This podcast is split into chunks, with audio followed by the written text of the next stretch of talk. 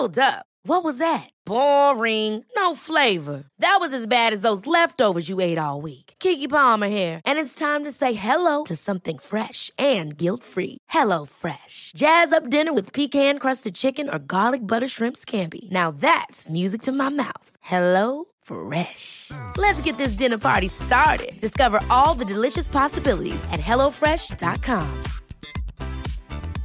Hey, I'm Ryan Reynolds. At Mint Mobile, we like to do the opposite of what Big Wireless does. They charge you a lot, we charge you a little. So naturally, when they announced they'd be raising their prices due to inflation, we decided to deflate our prices due to not hating you. That's right. We're cutting the price of Mint Unlimited from $30 a month to just $15 a month. Give it a try at mintmobile.com slash switch. $45 upfront for three months plus taxes and fees. Promo rate for new customers for limited time. Unlimited more than 40 gigabytes per month. Slows. Full terms at mintmobile.com. There's never been a faster or easier way to start your weight loss journey than with PlushCare. PlushCare accepts most insurance plans and gives you online access to board-certified physicians who can prescribe FDA-approved weight loss medications like Wigovi and Zepbound for those who qualify. Take charge of your health and speak with a board-certified physician about a weight loss plan that's right for you. Get started today at plushcare.com slash weight loss. That's plushcare.com slash weight loss. plushcare.com slash weight loss.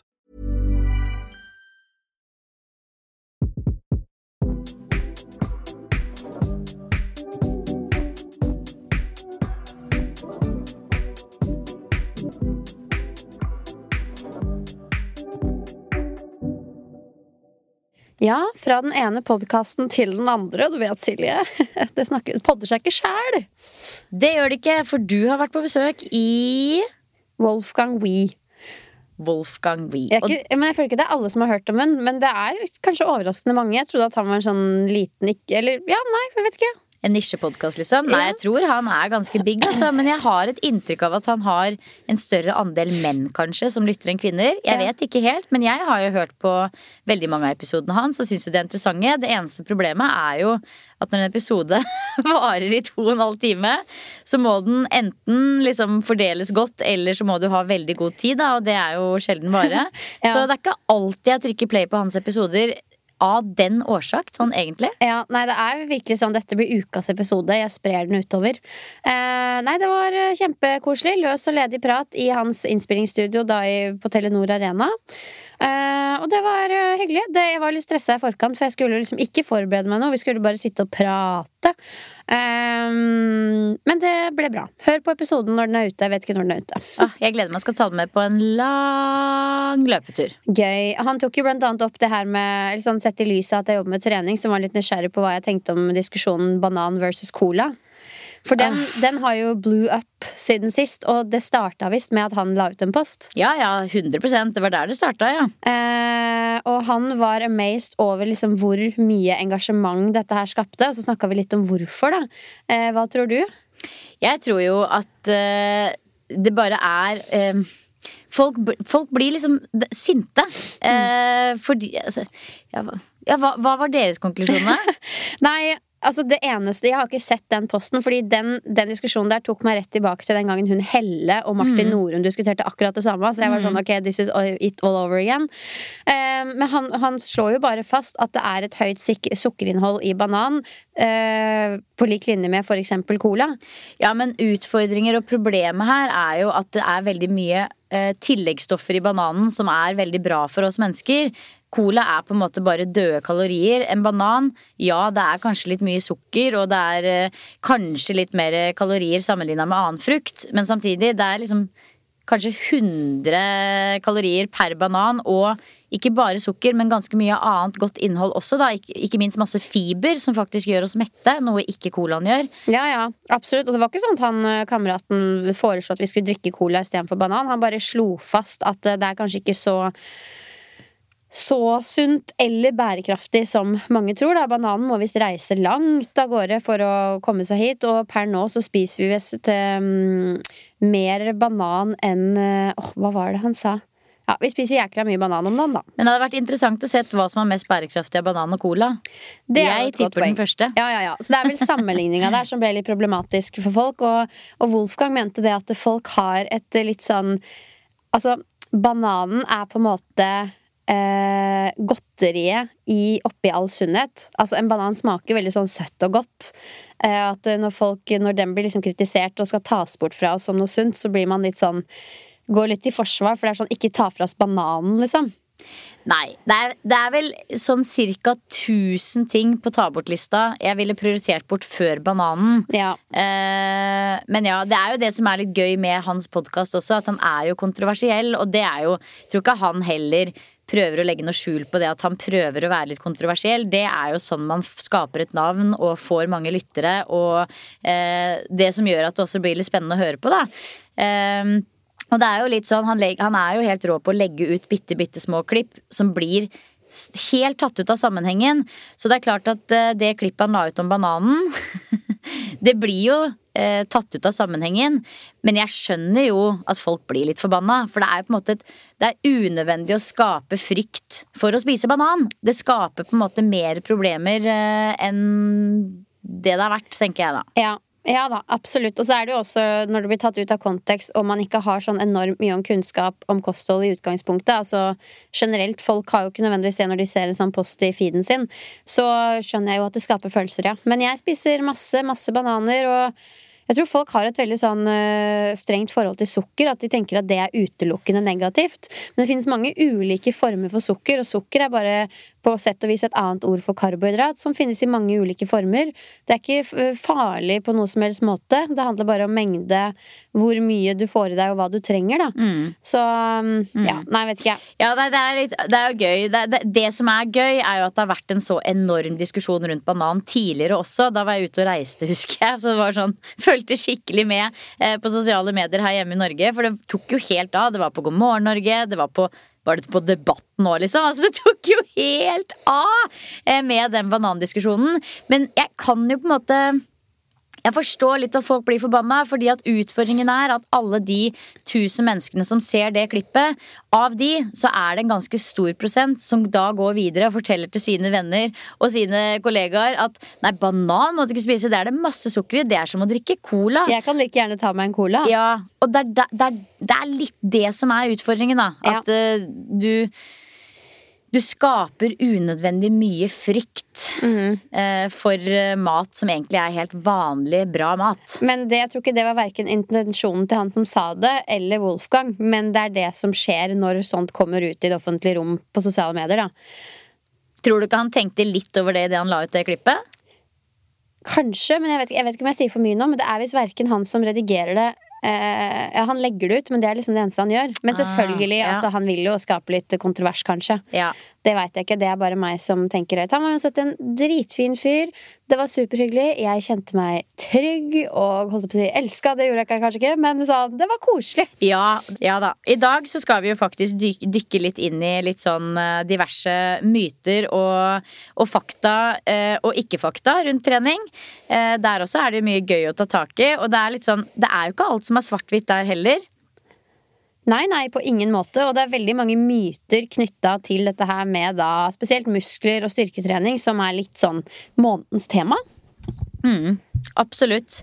Det er eh, Ja, det fins jo veldig mye myter og misoppfatninger rundt styrketrening som har eksistert i veldig lang tid. Noen får man liksom aldri helt knekken på. Eh, og vi tenker at vi skal rett og slett dykke litt ned i de mest klassiske eh, mytene rundt både styrketrening og muskler her i dag. Det blir veldig gøy. Ok, Jeg har lyst til å starte rett på den første. Ja. Spat reduction, altså det å trene en spesifikk muskel, vil redusere fettet i det området. Eh, For eksempel, jeg føler her innside lår og mage er litt sånn spe spesielle områder, og spørsmål man kan få som trener er sånn Hvordan trener jeg innside lår og mage best mulig? Ja, eller hvilken øvelser kan jeg jobbe med for å få mindre fett på magen? Ja. Og det er jo alltid et eh, utfordrende Eller det er ikke så utfordrende å svare på, men folk blir litt overraska over svaret. Og det er jo at nei, du kan ikke punktforbrenne på noe som helst måte. Eh, Du kan gjøre en gitt øvelse og skape mer aktivitet i muskelgruppene som ligger i det området, men det, det vil ikke si at du på en måte forbrenner mer fett der. Hvor fettet vårt tas fra og forbrennes fra, er genetisk eh, Altså det avhenger av genetikken din og noen andre faktorer, men ikke på en måte hvilke øvelser du gjør for hvilke muskelgrupper, da. Eh, Men du kan jo gjøre styrkeøvelser og få et område til å vokse, altså få mer muskulatur, sånn at det vil se strammere ut. Og det er kanskje det mange tenker at de ønsker å oppnå. Og det er også grunnen til at vi kan anbefale å trene styrketrening og bygge muskulatur parallelt med å Altså enten samtidig eller på et senere tidspunkt gå ned i fettprosent, sånn at de musklene blir mer synlige, på sett og vis, da. Ja, så Såkalt eh, punktforbrenning er eh, ikke nødvendigvis eh, så enkelt som mange kanskje tror, rett og slett. Og det er jo, som du nevner, det er jo veldig sånn medfødt disposisjon. Altså vi er, er, hvor man forbrenner mest fett, det avhenger veldig av hvilken kropp du er i. Jeg ser for meg deg og meg, Pia. Vi er helt forskjellige. Jeg er sånn som blir helt rett når jeg går ned i vekt. Så magen, det er det siste som går. Ja. Jeg bare får ikke til å rumpe, ikke noe bein. Alt er bare sånn to sånne fyrstikker og en helt vanlig mage på toppen. Oh, det hørtes veldig søtt ut. Ja, Mens du er sikkert litt omvendt. Du fjerner, du er, jeg ser for meg at du liksom eh, for, eh, mister mer i overkroppen og fortsetter å ha litt rumpelår. Ja, det, det, det sitter godt uh, nedantil, for å si det sånn. Jeg husker når jeg gjorde en sånn ekstremdiett når jeg gikk, uh, tok personlig trenerutdannelse. Så kunne du, altså Jeg var helt strippa på overkroppen. Du så liksom brystbeina mine. Rumpe og lår. Skjedde ingenting. Nei, jeg tror ikke man har sett mine brystbein noen gang. Og vi er, så vi er forskjellige, og det er Ja. derfor det er så viktig å liksom uh, dyrke den fysikken du har. Altså Trente kropper finnes i mange ulike varianter. Jeg elsker når man ser sånne der utøvere, idrettsutøvere som er stilt opp ved siden av hverandre, der hvor alle er topptrente, men de ser allikevel helt sinnssykt forskjellige ut, både som et resultat av genetikken, men også idretten de utøver, da. Eh, Så det er veldig viktig å ikke sammenligne seg med andre, og heller bare tenke at okay, jeg har den kroppen jeg har. Hvordan kan jeg eh, ja, dyrke og sette pris på den på best mulig måte, da. En annen litt sånn klassisk påstand, jeg vet ikke om jeg vil kalle det en myte, men en påstand er at kondisjonstrening er eh, mye bedre for vekttap enn styrketrening. Og ja. På sett og vis så kan vi jo si at det er det. Altså Kardiotrening og kondisjonstrening spiller jo begge deler en stor rolle når det gjelder vektreduksjon, men kanskje aller mest, som vi har snakka om mange ganger før, kosthold. Eh, men ja, styrketrening bidrar til å bygge muskler, som igjen eh, Bidrar til å få en god sammensetning av vev på kroppen. At det er liksom litt muskler, litt fett. ikke sant? Ja. Eh, og kondisjonstrening, helt klart. Du forbrenner jo mye mer eh, eh, Altså, forbrenner og forbrenner. Du bruker jo mer energi når du trener kondisjonstrening, men det er ikke likevel sånn at man trenger å eh, At liksom det å løpe seg i hjel på mølla er den eneste eh, veien inn når målet er vektreduksjon. Det er veldig mange måter man kan trene seg ned i vekt. Ja, og du skal løpe jævlig mye og langt for å på en måte klare å ta igjen et dårlig kosthold. Altså you can't outrun a bad diet. Fordi det, bare, det skal så sykt lite til av den dårlige maten før det kaloriregnskapet bare skyter til værs. Eh, på en eh, joggetur på typ eh, en og en halv time så forbrenner du 1000 kalorier. Det høres kanskje mye ut, men løpe en og en halv time, det er ganske hissig. Du blir ganske sliten av det. Og gjøre det eh, så ofte at det er den eneste verdien du stoler på for å miste vekt. Det går ikke i lengden. Så det er derfor vi snakker om eh, kosthold og trening i kombinasjon.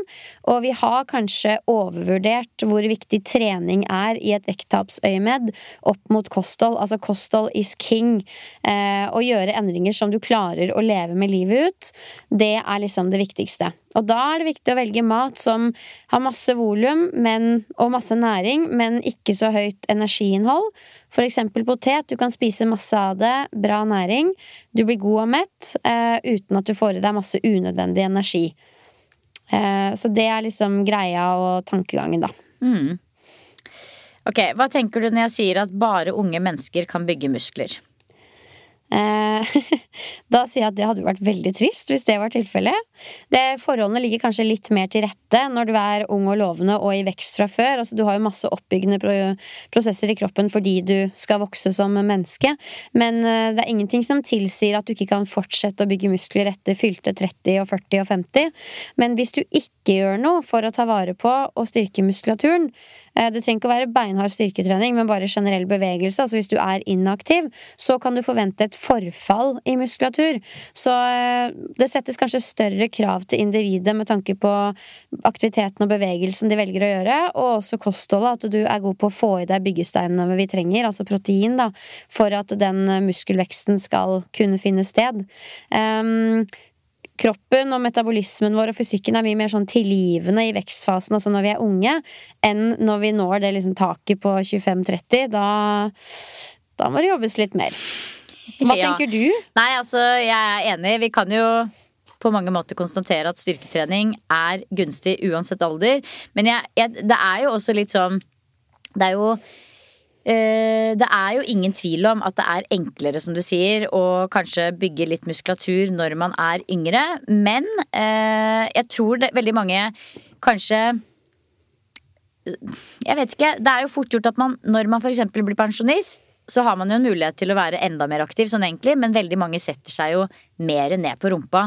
Og da vil jo også det eh, etter hvert balle på seg med at man kanskje mister litt muskelmasse, kanskje går opp litt i vekt eh, for en høyere fettprosent.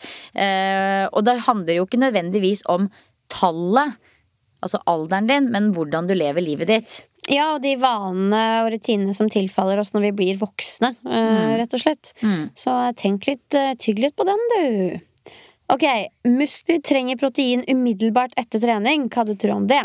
Det, er veldig gøy, for der ser jeg eh, desperasjonen til enkelte som skal kave seg ned i resepsjonen for å bælme en sånn derre Du vet sånn 35 gram protein Nei, som after workout. Ja, ja. Altså, det er, jo, det er jo noen som faktisk religiøst er innom eh, resepsjonen for å kjøpe seg en sånn eh, solid dose med proteinshake eh, rett etter trening. Og du ser jo de står i garderoben og shaker og holder på, bælmer nedpå, liksom. Eh, men folkens, man kan fint ta seg tid til å dra hjem. Bruke litt tid på å dusje, lage middag og sette seg ned og spise middag. Og det er også mer enn nok. Absolutt. Og, og, altså, jeg, mis jeg dømmer ikke de som gjør det. Det kan jo også være fordi de vil ha seg litt av treat i resepsjonen etter endt økt, men det er ikke noe som du sier grunn til at du må skynde deg og få i deg protein rett etter en økt. I hvert fall, og spesielt ikke hvis du er flink til å få i deg disse dryppene med protein gjennom dagen. Da er du good. Det er det som er viktig, med, øh, viktig når det kommer til protein. Den jevnlige tilgangen når vi snakker om muskelvekst og oppbyggende prosesser. Eh, eneste unntaket kanskje her er hvis du skulle finne på å trene styrke fastende, som i og for seg er et litt sånn dårlig, eh, dårlig business uansett, men hvis du gjør det, kan funke helt fint for noen. Altså, da er det bare viktig at du får i deg et godt måltid relativt kjapt etter trening, da. Hvis du ønsker å optimalisere ting, men det er ingen som dauer av at du går fem timer etter trening heller. Nei. Hvis du spør Inger Lindseth, så syns han det er helt konge. Ja. ja, så vi kan egentlig konstatere at eh, kroppen har et eh, godt nok spisevindu der den kan eh, ta seg, ta seg nødvendige næringsstoffer for muskelreparasjon. Og at man kanskje kan se an når er neste måltid, lite grann. Hvis det er liksom ja, hvis det er fem timer til neste måltid, så ville jeg også tatt meg et mellommåltid av en eller annen variant. Men er det liksom to, da kan man fint vente til det måltidet, og det er mer enn nok. Absolutt. Jeg er ikke noe nazi på det greiene der. Nei. Um, ok, neste. Tunge vekter er helt nødvendig for å bygge muskler. Helt nødvendig. Helt nødvendig. Men det kommer an på hva du legger i tungt, da. Ja, det kommer jo an på hva du legger i tungt, men det er jo veldig mange gode eksempler på folk som driver med calisthenics, eksempel. Som er eh, rimelig muskuløse og spreke. Ja, gud, jeg bare tenker sånn at de calisthenics-menneskene vil også kunne si etter det de ser på som en styrkeøkt, og si 'nå trente jeg tungt'. 100 Dette var tungt. Så det var bare Men når vi snakker om tung trening, sånn som jeg tror menes her, og som vi tenker på, er jo liksom tung markløft, maks fire til fem repetisjoner. Ja, tunge vekter. Ja. Eh, og det Før så var man jo veldig overbevist om at man eh, måtte trene liksom mellom ja, 8-15 reps for å bygge muskler, men nå vet vi at det viktigste er at man trener til utmattelse. At du virkelig sliter ut den aktuelle muskel muskelgruppa og muskulaturen. Eh, og liksom helt opp til 30 repetisjoner, og til og med over det, som da betyr at du har ganske lette vekter for å klare å løfte noe så mange ganger. Men på slutten av den eksempel 30-reppen så vil du mest sannsynlig være ganske utmatta i den aktuelle musk muskulaturen, som vi har sett at også gir eh, hypertrofi, altså muskelvekst, da. Ja, og hvis vi også snakker om egenveksttrening, så er det jo faktisk ekstremt mange øvelser der der hvor jeg tror det fins svært få som klarer opp mot 30-tallet av repetisjoner. Blant annet eh, pullups og chins og, og muscle-ups og pistol squats og ulike tunge, eh, tunge utfallvarianter og Ikke sant? Det fins jo veldig mange ulike øvelser bare med egen kroppsvekt som er eh, tunge nok som de er. Der du kanskje ligger på et uh, repetisjonsantall på mellom 8 og 15, og det er det du klarer. Så, så det fins jo absolutt uh, kjempefine muligheter for å bygge muskler uh, selv om du ikke har tilgang på tunge vekter. Ja, og så er det viktig å skille mellom styrke og muskelvekst. Styrke er jo egentlig en veldig spesifikk ferdighet. altså, å, å, være sterk handler om at du skal klare å løfte den stanga i markløft eksempel fire ganger. og du ønsker å klare å løfte stadig mer det er jo det som innebærer å bli sterkere. Mens muskelvekst setter jo egentlig ikke noe krav til hvor mye du løfter. Det handler bare om at du skal slite ut muskulaturen. Så sånn som i sterkere, så kan noen av medlemmene eh, stresse med at 'å, jeg får ikke gjort den øvelsen, nå stagnerer resultatene mine'. Eh, og da er det veldig viktig å minne om at ok, ja, da blir du kanskje ikke så mye sterkere i den øvelsen, for den får du ikke gjort, men du kan fortsatt gjøre leg extension og leg curl og få slitt ut beinmuskulaturen bra. Eh, og da oppnår vi muskelveksten. Så ja, ja, holde tunga rett i munnen og skille mellom de to, da. Mm. Vi vil jo gjerne ha begge deler, men uh, ja, kan fortsatt bli bra med gains. All right. Det fins jo mange fine myter om uh, ja, fett og muskler. en av de er at du kan gjøre om fett til muskler ved å trene, og omvendt hvis du slutter å trene. Kan du ikke det, da? Ja? Nei, det stemmer ikke. det hadde vært helt sjukt hvis man hadde mye muskler, og så bare ble det til fett. Mm. Det er motivasjonen til å aldri slutte å trene, da. Ja. Ikke, altså, ikke, at det er noe gærent i fett, men sånn, hvis du er en stor muskelmann, og bare, så blir du fettmann, fett. liksom. Nei, men altså, det er jo viktig da å skille mellom at muskelvev og fettvev det er to forskjellige typer vev. Eh, og de kan ikke liksom direkte konverteres til hverandre. Men eh, det er jo sånn at en person som slutter å trene og kanskje å endre litt på kostholdet sitt, kan absolutt oppleve tap av muskelmasse og en økning i fettmasse. Så det er ikke det at det liksom det konverteres, at vevet blir om til et annet vev. Men du får mindre av det ene og mer av det andre. Mm. Det er jo det som menes. Yes. Stemmer. Mm. Ja, det er mye deilige myter. Altså, jeg tror jo egentlig på mange måter at mye av dette her, det sier seg litt selv, men så er det liksom disse overskriftene som støtt og stadig popper opp, som gjør at man liksom man klør seg litt i hodet. Mm. Mm. Ja, ja, er, altså man blir forvirra, og selv om man vet at noe annet stemmer, så er det også det er ikke sånn at noen sånne myter har satt seg litt i underbevisstheten. Eh, så det er ikke noe sånn at vi vi skjønner godt hvis folk tror på og tenker at noen av disse tingene stemmer, men da lærte man jo forhåpentligvis noe nå, da. Ja. Og det er jo, altså, særlig på Instagram, hvis man liksom begynner å eh, kikke inne på den, hva heter den sida der man oppdager nye ting? Utforske eller explore. Ja. ja. Der også så legger jeg veldig merke til at det er jo liksom sånne typiske, klassiske klisjéoverskrifter som gjør at man, sant, man tiltrekkes mot det. Her om dagen så, så jeg en eller annen som var sånn Ble innlagt på sykehus med nyresvikt pga. for mye eh, proteinpulver. Oh, Hvis du skjønner. Og det også var jo en myte, ikke sant. Det var, det var, faktisk et innlegg for å knuse en myte. Men når jeg så det, så ble jeg sånn hæ? Mm. What? Er det mulig, liksom? Så det er veldig fort gjort å bli lurt. Og veldig mange hadde nok da Kanskje hvis man så det i farta og skulle videre, så hadde man bare sett den overskriften og løpt videre. Det er nettopp det. Og så er det noe man har hørt tidligere, at høyt proteininntak er sub, altså ikke bra for nyrene, da. Og vips, så har man en sannhet som man opererer etter. Ja, bare fordi man så en overskrift på Utforsk på Explore på, på, Instagram. Så ja, det er noe med det at det er, liksom, det er, litt viktig å holde tunga rett i munnen, og ikke liksom falle pladask for alle disse overskriftene. Fordi det er rett og slett bare noen der ute som er interessert i å få deg til å klikke inn og se på det. Eh, få med deg eh, the back, fact da. Ja. Vi er, vi er sjuke i huet hele gjengen.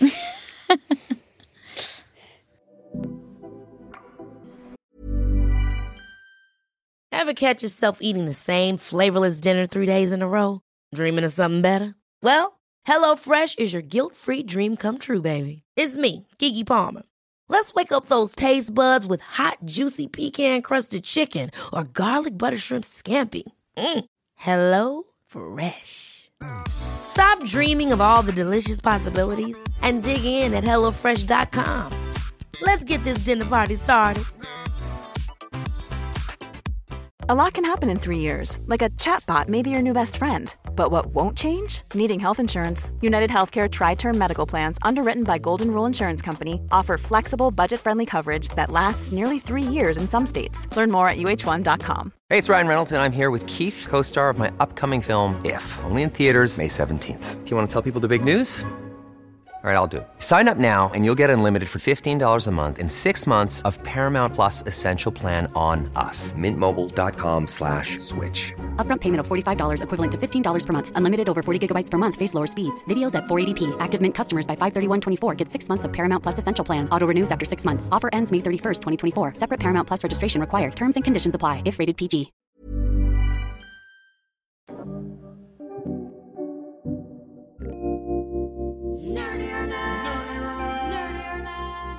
Like the nerds we are. Og ettersom vi er sjuke i huet hele gjengen, så er det jo bra at vi har en psykolog i rommet. Den beste jeg vet om, i hvert fall. Som nå har satt seg godt til rette i nerdehjørnet og skal dele litt om Kan vi la være å, å kalle meg for en psykolog? Er det ikke det du er her? Nei! Blir din egen Ah, psykolog. Du, hvis, jeg sier, hvis jeg sier imposter syndrome, hva tenker du da? Har du hørt det før? Ja, det er jo sånn at uh, snart kommer noen til å finne ut av at jeg er bare en uh, phony. Jeg ikke kan en dritt? Ja, Ja. At jeg bare later som. Det er det. Det er så sjukt. Ja, Det er det jeg skal snakke om i dag. Imposter syndrome. Som er noe jeg tror kanskje noen har hørt om før. Tenker det. Men jeg tror enda flere har kjent på det før. Mm.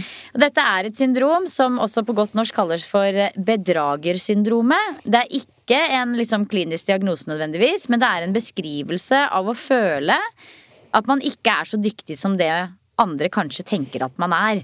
Så man går på en måte rundt og er livredd for at andre skal oppdage, eller avsløre at man er på en måte inkompetent, eller ikke like flink som de eh, rundt deg tror at du er. Spesielt kanskje i litt sånn arbeidssituasjon. Så eh, det her er faktisk litt sånn reell eh, slitasje for ganske mange mennesker. De som sliter med imposter syndrome, de går rundt med en sånn ordentlig ekkel uro og usikkerhet og en følelse av å ikke være gode nok, selv om alt tyder på at de gjør en kjempedyktig At de er dyktige og gjør en kjempegod jobb. Så Veldig ofte så forteller de også selv at eh, de eh, opplever at ledere og kollegaer er fornøyde med den jobben de gjør. De får gode tilbakemeldinger. Men likevel så slipper ikke den der ekle følelsen av uro taket. Så det er eh, Selv så er det litt sånn at de tenker sånn jo ja, men dette gikk bra. Men de adresserer ofte prestasjonene sine til flaks. Litt sånn åh, nå hadde jeg flaks, istedenfor at man har gode evner. Så ja, hele tiden da så går de rundt og har en sånn ekkel følelse og en frykt for å bli avslørt. Og de personene som dette gjelder, det kan eh, gjelde både kvinner og menn. Det er eh, klassiske trekk hos de personene det gjelder, det er at de har et lite snev av perfeksjonisme. Det klassiske flink pike-syndromet. Eh, man tror at liksom alle oppgaver her i livet må løses helt perfekt. Man ber veldig sjelden om hjelp, for det kan jo tross alt bidra til at noen oppdager at du tross alt ikke er så veldig flink. Og man er veldig, veldig redd for å gjøre feil. Så imposter syndrom kan føre til at man utsetter oppgaver. Eller at man bruker veldig, det er kanskje det mest klassiske, veldig mye mer tid enn nødvendig på å forberede oppgaver. Så øh, dette her er jo litt sånn herre Jeg tror alle har kanskje, ikke alle, men noen har et snev av det. Jeg kan absolutt kjenne meg igjen i deler av dette her. Og spesielt det som kommer nå. Fordi mange prøver å kvitte seg med den følelsen av impostersyndrom med å være mest mulig forberedt.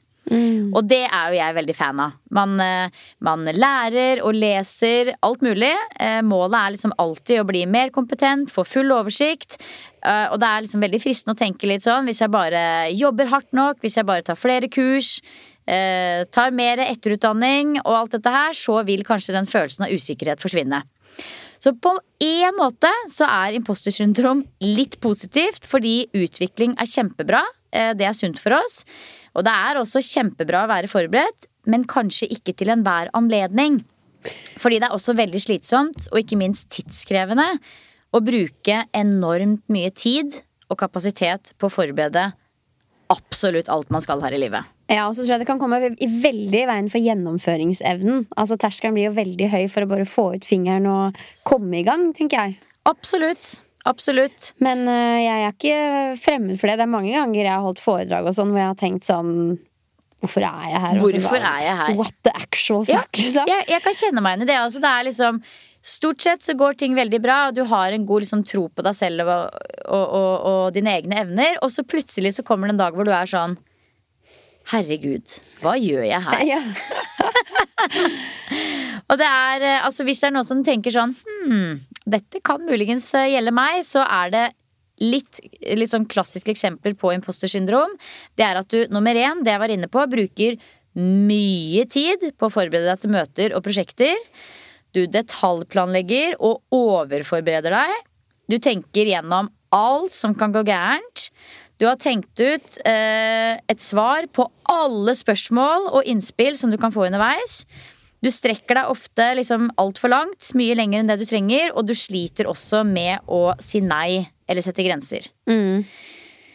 Så dette her er jo noe vi begge kan kjenne oss litt igjen i. ja, Så kanskje alle, alle har litt av det? Eller? Alle har et snev av det, eh, men for noen så blir det jo på en måte et så stort problem at de bruker hele livet sitt på å forberede seg. Og ikke bare det, men de går også hele tiden rundt og kverner og grubler og er veldig bekymra for alt som kan gå gærent. Ja. Og der tror jeg ikke vi er.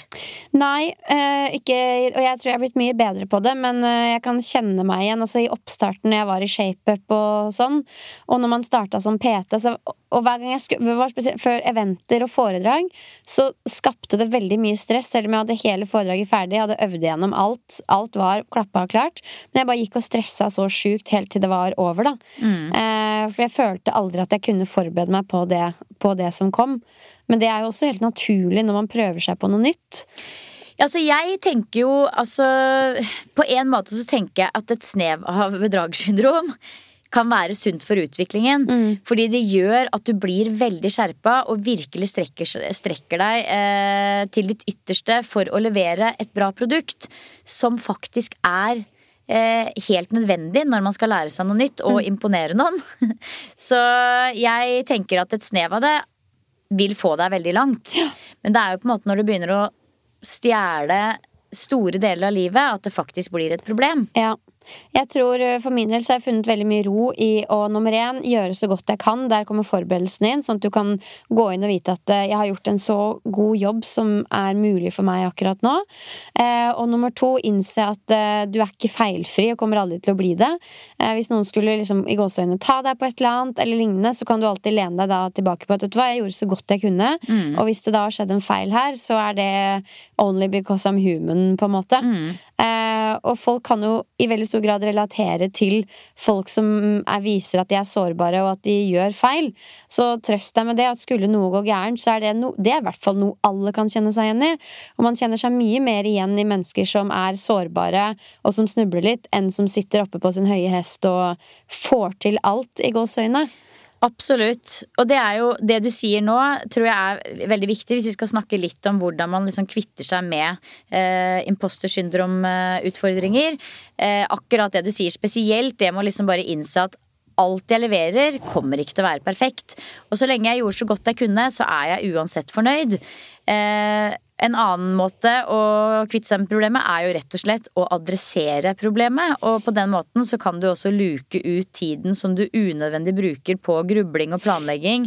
Eh, og det kan du f.eks. bruke den kontrollsirkelen som jeg nevnte sist uke, til å gjøre.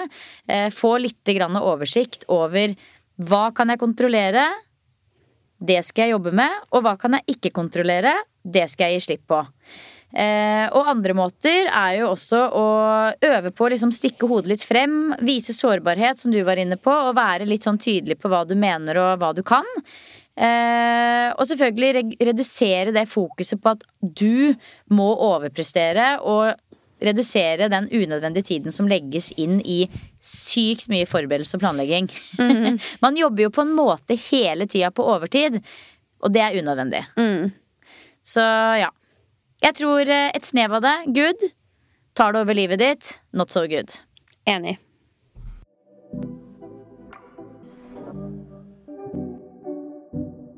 Da er det boost. Da Er det best?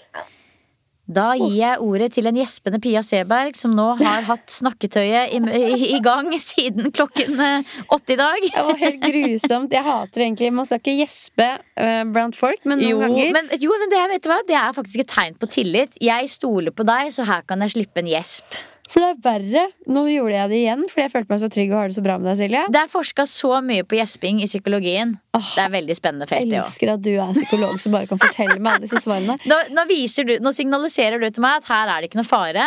Her kan jeg bare gjespe og liksom senke skuldrene. Jeg er trygg med deg. Oh, for enda verre er det når du står og snakker med noen, så ser du at du liksom kveler gjespen sånn i munnviken. og det er så jævlig. Ja, det er faktisk Det er litt ille! Ja, men så er det jo helt, det er helt fair å gjespe, det er, men det er sånn du trenger ikke å skjule for meg, liksom. Uh, så jeg velger å ikke gjøre det med deg, da, Silja.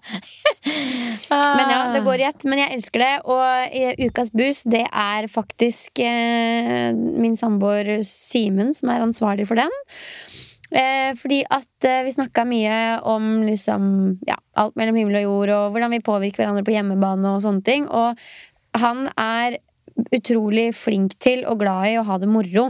Så som Simens Han skal ikke jeg utlevere ham, han er veldig glad i å gjøre folk glad, at vi har det gøy. Og så sa han du kan gjerne gjøre mer for at vi har det gøy her hjemme. Og da gikk jeg litt til meg sjøl, så var jeg sånn det er sjeldent jeg liksom ikke at jeg skal ha noe standup-show, men rett og slett bare gjøgle litt på hjemmebane. da Så det har jeg gjort denne uka her. Og det er akkurat som jeg bare har fått fram en litt mer sånn ja, gjøglete side av meg. Ja, så Det er ikke nødvendigvis liksom å gjøre det mer gøy på hjemmebane i form av at du er sånn Dere, nå går vi ut og kjøper oss en skolebolle, eller liksom Men det er faktisk at du faktisk skal underholde litt på hjemmebane. Dra noen jokes, liksom. Altså, du må forberede deg. Nei, det, så langt har jeg ikke gått. Men rett og slett bare sett etter muligheter til å tøyse og tulle litt. Liksom kila litt. Ja. Uh, jeg gikk litt for langt en dag. Da prompa jeg. Det var litt for meget. uh, men vi lo godt av det òg. Ja. Bare sånn prøve å se etter muligheter til å ha det litt moro. Ja. Og det har vært en boost bare fordi man ler litt mer og har det litt mer gøy. Og jeg er jo en person som kan være veldig opp i mine egne greier, min egen reise. Ja. Starte opp treningssenter, logge maten, du veit. Så det har vært veldig sånn forfriskende og gøy. Eh, så det var rett og slett ukas boost. At jeg har gravd fram humorkongen i meg. Å, det elsker jeg. Og jeg er jo ikke noe sånn Du kan si mye om meg, men du, det første du sier, er kanskje ikke at jeg er en gjøgler. Men du er jo litt morsom. Ja, men jeg er litt sånn øh, Ja, jeg er jo litt morsom, Du vet er litt morsom. Men øh, Ja, jeg er litt morsom òg, men det, for spesielt interesserte, kanskje. Ah, vet du hva, det elsker jeg. Og det elsker jeg. Ja, Så det var veldig gøy. Og det var en buss, og det er tips til deg der hjemme. Hvis du har lyst til å bare nummer én ha det mer gøy, og kanskje imponere kjæresten litt. Slipp en fis. Slipp en fis. Det er veldig øh, gøy. Ja. Og bare vær litt gøyal, utfordre grensene litt. Noe av det er kleint, noe av det er gøy, men han kommer definitivt til å bli litt sånn satt ut av at du plutselig bare Ja. ja, jeg kan jo gjøre litt rare ting noen ganger, men da merker jeg noen ganger at noen blir irritert. Oi! Det blir for dumt. På, på hjemmebane, eller sånn når du er utenfor husets fire vegger? Eh, Nei, det kan for eksempel være sånn Hvis de sitter inne, og så er jeg på verandaen, så kan jeg bare stille meg Stille meg på utsida med ansiktet sånn helt inntil veggen og lage en sånn helt sjuk grimasse. Sånn. Ja, Og så står jeg bare sånn i kanskje fem minutter til de ser meg. fem ja, ja, jeg står i det, liksom. Og da syns jo ungene det er veldig gøy. Men så er det ikke alltid det slår an helt Men det er det som er gøy å være en person som Da står du der med den grimasen din, da, så kanskje det ikke slo an, men da prøvde Ja, vi. da prøvde vi. Ja, Vi får se hvor lenge dette varer, da. Men uh, det er jo viktig å ha det litt moro og le litt. Ja, det er det. Så, um, og det kan vi innse på oss selv også. Det er ikke alltid sånn at de morsomme må komme til oss og skape latter. Man kan jo også bare Prøve å dra i gang litt latter sjæl. Ja. Så det var ukas boost. Hva, hva med deg? Du, vet du hva? En eh, kanskje litt rar boost, men jeg er nå offisielt i gang med fire ganger fire-kjøret igjen. Jeg er inne i min femte uke nå. I morgen står min femte fire ganger fire nå i høstsesongen på agendaen. Og det er faktisk en boost å gjenoppdage hvor lite tid som skal til på sabla god trening. Det er liksom fort gjort å glemme det, fordi nå har jeg på en måte gått fra å løpe ute to ganger i uka til å bare løpe ute én gang i uka fordi det er så mørkt på morgenen, og den ene morgenøkta må nå tas inn. Og jeg står ikke på mølla lenger enn jeg må. Så da blir det, da blir det rett og slett fire ganger fire istedenfor langtur. Og det er jo grusomt i starten. Men det er også så sinnssykt digg, dere, å være ferdig trent på null komma svisj og virkelig kjenne sånn Du har den godøkta i kroppen, liksom. Det er 10-12 minutters oppvarming, fire minutter med høy intensitet, ganger fire. Noen pauser imellom, og så er du i mål. Du er på en måte inn og ut av gymmet på under 50 minutter. Og da mener jeg ikke sånn det er ikke det økta varer. Du er inn og ut av gymmet. Du er hjemme før det har gått en time, liksom.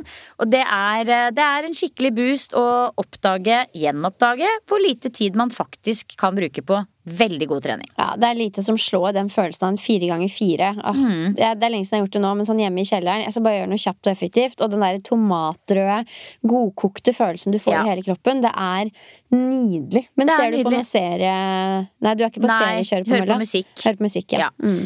Hører på musikk og bare gønne på, og så er det er over på 0, 0, svisj. Nydelig. Kjøpte du forresten sånne løpesko fra Altra? Nei, men det skal jeg. jeg har okay. ikke, de har det jo ikke på sånn Anton Sport og liksom de vanlige sportsbutikkene, så jeg må inn til Oslo på løpslabbet, Ja, for du må prøve dem, ja. Jeg må prøve de. Ja, det er, eh, jeg har tipsa Silje om løpesko med ekstra bred tåboks. For vi har begge et problem med, tror vi, at tærne liksom legger seg litt oppå hverandre. Selv om de ikke kanskje gjør det, men det føles sånn ut. Ja, de er i hvert fall Vi har veldig breie føtter i front. Ja, så da, Men uh, i de Altra-løpeskoene mine så er ikke det noe problem. Så det blir spennende å høre hva du syns Ja, jeg skal definitivt teste det, fordi nå Jeg er jo på en måte fornøyd med de løpeskoa som jeg har og alltid har hatt, men jeg har jo Det er jo sånne svære høl på sida der hvor det på en måte blir bredt, da. Svære høl. Svære høl. Høl? Og det blir høl. Det er det vi sier i? Grenland. Ja, okay, Der er det høl. Ja. Så, så på sida av skoa så er det høl. Og der stikker føttene ut liksom. Det ser jo helt Kanskje det er det som er løsninga? Vi kan lage sånn lite hull til lilletåene våre på ja, ja. hver side av skoen. ja, men det blir det automatisk etter et par løpeturer hos meg. Åh. Så derfor så skal jeg nå teste ut denne Altra-skoen. Noen har også tipsa meg om Adidas, som visstnok også skal være litt brede. Men eh, ja. Det er bare å continue the exploring, altså, fordi Ja, disse føttene trenger litt ekstra oppmerksomhet og kjærlighet, kan du si. Ja, nei, det er spennende. Åh, Deilig boost på hver vår hånd. Livet ruller videre. Jeg gikk ut med at jeg skal starte gym eh, forrige uke. Det var veldig gøy. Ja, for da var vel responsen stor.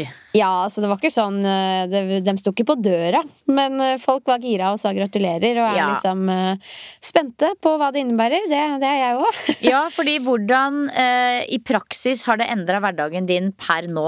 Nei, i veldig liten grad, og det er jo viktig å presisere at jeg skal fortsette å jobbe med akkurat det jeg gjør. Jeg er bare i gåseøynene medeier, så det er ikke sånn at jeg jobber med dette her på daglig basis. Men det er klart, i og med at man er i en oppstartsprosess, så ønsker jeg å være delaktig litt i sosiale medier og markedsføring, og kanskje litt treningseventer og skape litt aktivitet der, da. Så det Nå har jeg veldig mye på agendaen akkurat nå, men um, det skal avholdes noen treningseventer øh, i forkant av åpning, bare for å skape litt oppmerksomhet i området. Og så fort senteret er åpna, så blir det å spille, alt innhold, spille inn alt innhold der og henge der og kontoret mitt, rett og slett. Ah, herlig. Men eh, nå er det jo Altså Lasse har jo planlagt hele dette gymmet sammen med de andre gutta. Nå er utstyret på vei, og når jeg er sånn 'Hvem skal skru opp dette?' så er de sånn 'Det skal vi gjøre'. Altså, Ja. jeg, jeg klarer ikke å se det for meg, Silje. Lasse driver og forklarer meg åssen dette her skal være. Disse skliene og hindrene og banene. Nei, det blir så spennende. Ja, jeg er jo bare supergira på å komme på besøk. det kommer til å bli tror- helt konge. Ja, jeg tror jeg må ha en egen sånn housewarming party når vi har åpna dørene. Ja, faktisk. Spennende! Ja, det er spennende. Og nå er det et par dager, og så skal vi på Norges idrettshøgskole på eh, treningskonvensjon. Jeg tipper at det blir en del innhold fra den helgen neste uke. Det er jo utrolig mange spennende foredrag i år. Først og fremst det, egentlig. Av det som liksom jeg tiltrekkes mot, så er det veldig mye spennende foredrag. Både om trening og syklus, eh, og om eh, teknologi og HRV og litt sånn faktisk debatt, så hvis jeg har skjønt. eh, Og med både Torkil og eh, en som jeg ikke husker hva heter, som skal eh, ta for seg ulike perspektiver når det gjelder teknologi og trening og helse. Eh, det, er, ja, det er rett og slett for mye å nevne her og nå, men vi kommer til å ta en skikkelig fot i bakken på, på det vi har opplevd på NIH. Og Ja. du skal kjøre X-Fit. Jeg skal ha X-Fit-team, ja. Eh, På NIH, i tillegg til bare kose meg, stuke rundt der og bare ja, nyte livet. Nyte livet. Åh, det er så deilig å være i sånne settinger med likesinnede folk, møte kollegaer og folk og bare ha det fint, rett og slett. Ja. Eh, og uka etter så reiser jeg på treningsreise. Så eh, det blir... må vi faktisk finne en løsning på. Det er bare å ta med seg eh, i kofferten, det, vet du. Ja, og du veit det at med på reisen så har jo vi Martine Halvorsen, som har vært med i 16 ukers helvete. Ok! Så kanskje jeg skal spørre henne om hun vil bli med. Det hadde vært veldig spennende. Kanskje vi må spille inn episoden vår på NIH-convention? Nei, jeg har bare lyst til å være der og kose meg. Ja. Altså Ikke at det ikke er kos å spille en podkast, no offense dere, Ja. men eh, da må man liksom gå inn i et rom og sitte Da og må man gå inn i en annen modus. Og du skal jo avslutte. Altså, jeg holder siste time der oppe.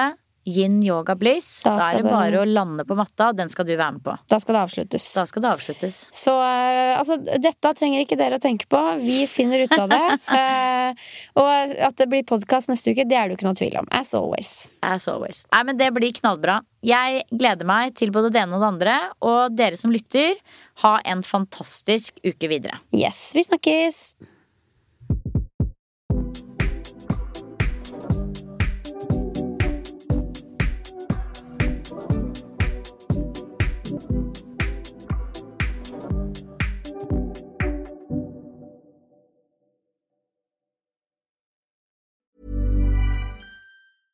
Ever catch yourself eating the same flavorless dinner three days in a row?